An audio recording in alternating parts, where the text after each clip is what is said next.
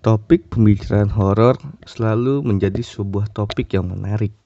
Dulu waktu gue pertama kali kenal internet itu sekitar SD, pergi ke warnet cuma buat buka situs primbon, ngeliat penampakan-penampakan. Karena didorong rasa penasaran pengen lihat hantu itu kayak gimana sih. Padahal kalau ketemu aslinya juga takut juga. Dalam bentuk media apa pun, tema horor ini selalu menarik mulai dari tulisan, cerita-cerita dari mulut ke mulut, film, sinetron, bahkan sampai sekarang dalam bentuk podcast pun, podcast-podcast horor itu juga banyak dan menarik. Kali ini gue 40 derajat akan membahas horor dari sudut pandang yang lain.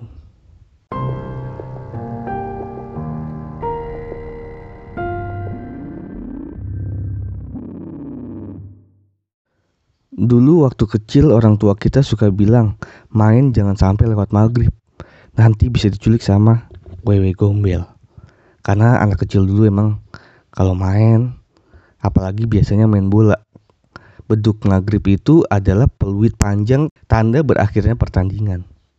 Makanya orang tua tuh wanti-wanti kalau udah maghrib segera pulang jangan di luar. Nanti kamu diculik sama wewe gombel. Wewe gombel ini konon katanya hantu berbentuk perempuan yang teteknya gede, ngondoy. Kerjaannya nyulik anak kecil. Tujuannya apa? Nah, kita lihat masa sekarang, di mana anak-anak udah jarang yang main di luar.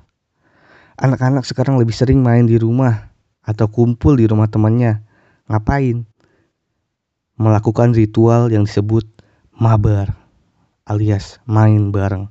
Bermain permainan setan yaitu Mobile Legend atau PUBG. Mereka jarang main keluar, kumpul sama teman-temannya, main game. Yang artinya sekarang sudah sedikit sekali kesempatan untuk wewe gombel menculik anak. Gue mulai kasihan sama wewe gombel karena mulai kehilangan job desknya untuk menculik anak-anak.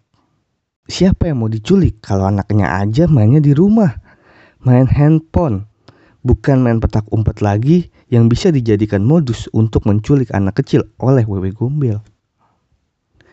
Kendati begitu, wewe gombel pun sebenarnya kena fitnah. Kenapa? Karena orang tua yang bilang jangan main sampai maghrib nanti diculik wewe gombel itu sebenarnya hanyalah mitos untuk menakuti anak-anaknya agar pulang waktu maghrib. Karena zaman dulu waktu masih sepi, banyak kebun, banyak hutan. Anak-anak yang main di waktu gelap khawatir ada hewan buas atau ada kejahatan manusia yang lainnya. Yang akhirnya dibuatlah cerita kalau nanti malam-malam masih main di luar akan diculik wewe gombel, padahal bukan. Itu hanyalah mitos yang diciptakan untuk menakuti anaknya, untuk melindungi anaknya. Di sini kasihan Wewe Gombel difitnah padahal dia tidak pernah menculik anak. Mungkin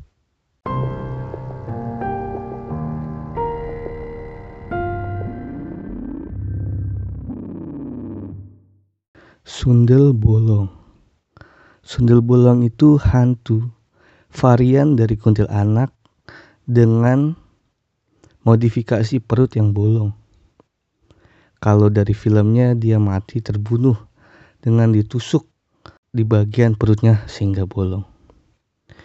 Job desknya dia adalah menakut-nakuti para pembunuhnya dan membalaskan dendamnya.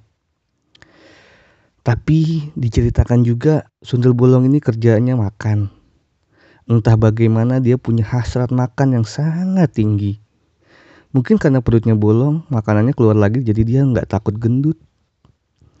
Biasanya dia cari tukang sate dia panggil, dia beli sate 200 tusuk. Bayarnya pakai daun. Di mata pedagang sate itu uang, waktu sampai rumah itu daun. Kasihan tukang sate. Kena penipuan. Anehnya juga si tukang sate. Kalau keliling, padahal di sebelah kanan komplek yang rame, kenapa dia belok ke sebelah kiri yang adanya hutan-hutan yang sepi? Malah cari penyakit nih tukang sate. Padahal sundel bolong, kalau dia mau makan sate yang puas, dia tinggal ke kondangan aja. Di kondangan biasanya kan ada menu-menu sate, ada sate ayam, sate kambing, kambing guling. Dia bisa makan dengan modus seperti anak kos. Cukup bawa amplop kosong dan model baju batik.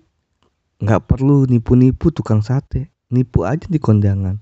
Lebih elegan.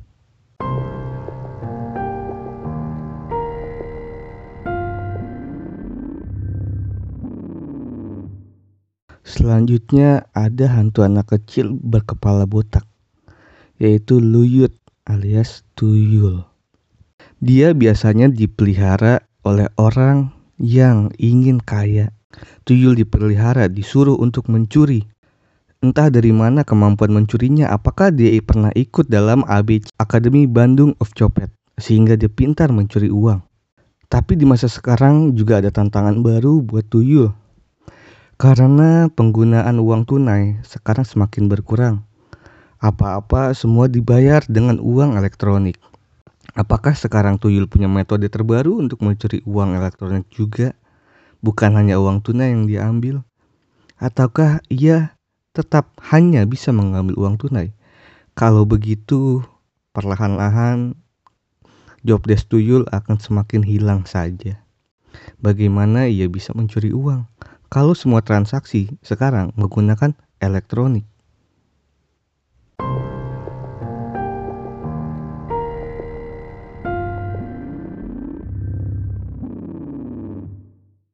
Yang menakutkan dan menjadi ikon horor Indonesia adalah pocong.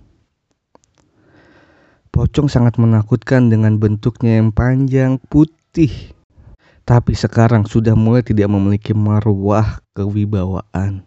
Karena banyak sekali konten-konten YouTuber yang menjebak pocong, mengejar pocong, memukul, bahkan menggoda secara seksual. Pernah sekali waktu kemarin gue lihat ada video YouTube godain pocong, katanya pocong yang ngaceng. Sungguh kasihan sekali pocong zaman sekarang. Sudah tidak ada lagi kewibawaan yang ia miliki untuk menakut-nakuti, bahkan sekarang menjadi konten yang menggelikan, konten yang lucu-lucuan. Mau dibawa ke mana wajah horor Indonesia kalau ikonnya saja sudah diperlakukan seperti itu?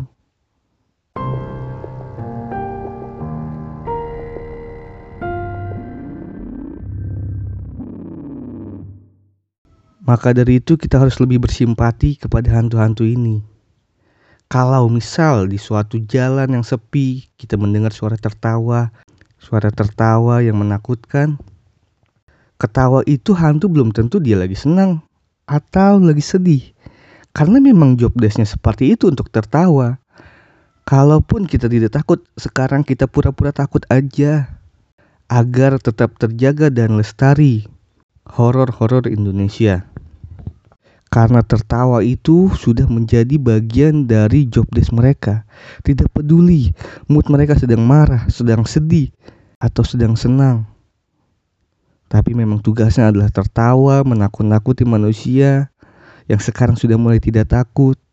Maka kita sekarang kalau ada ketawa yang menyeramkan, lari saja untuk menyenangkan mereka meskipun kita tidak takut sebenarnya. Kemudian kita jangan juga sering memfitnah mereka. Terkadang ketika di suasana yang sepi, tiba-tiba terasa hangat di leher, pegal di pundak. Biasanya orang bilang, ada yang menempel di tubuhku, ada yang menempel di tubuhmu.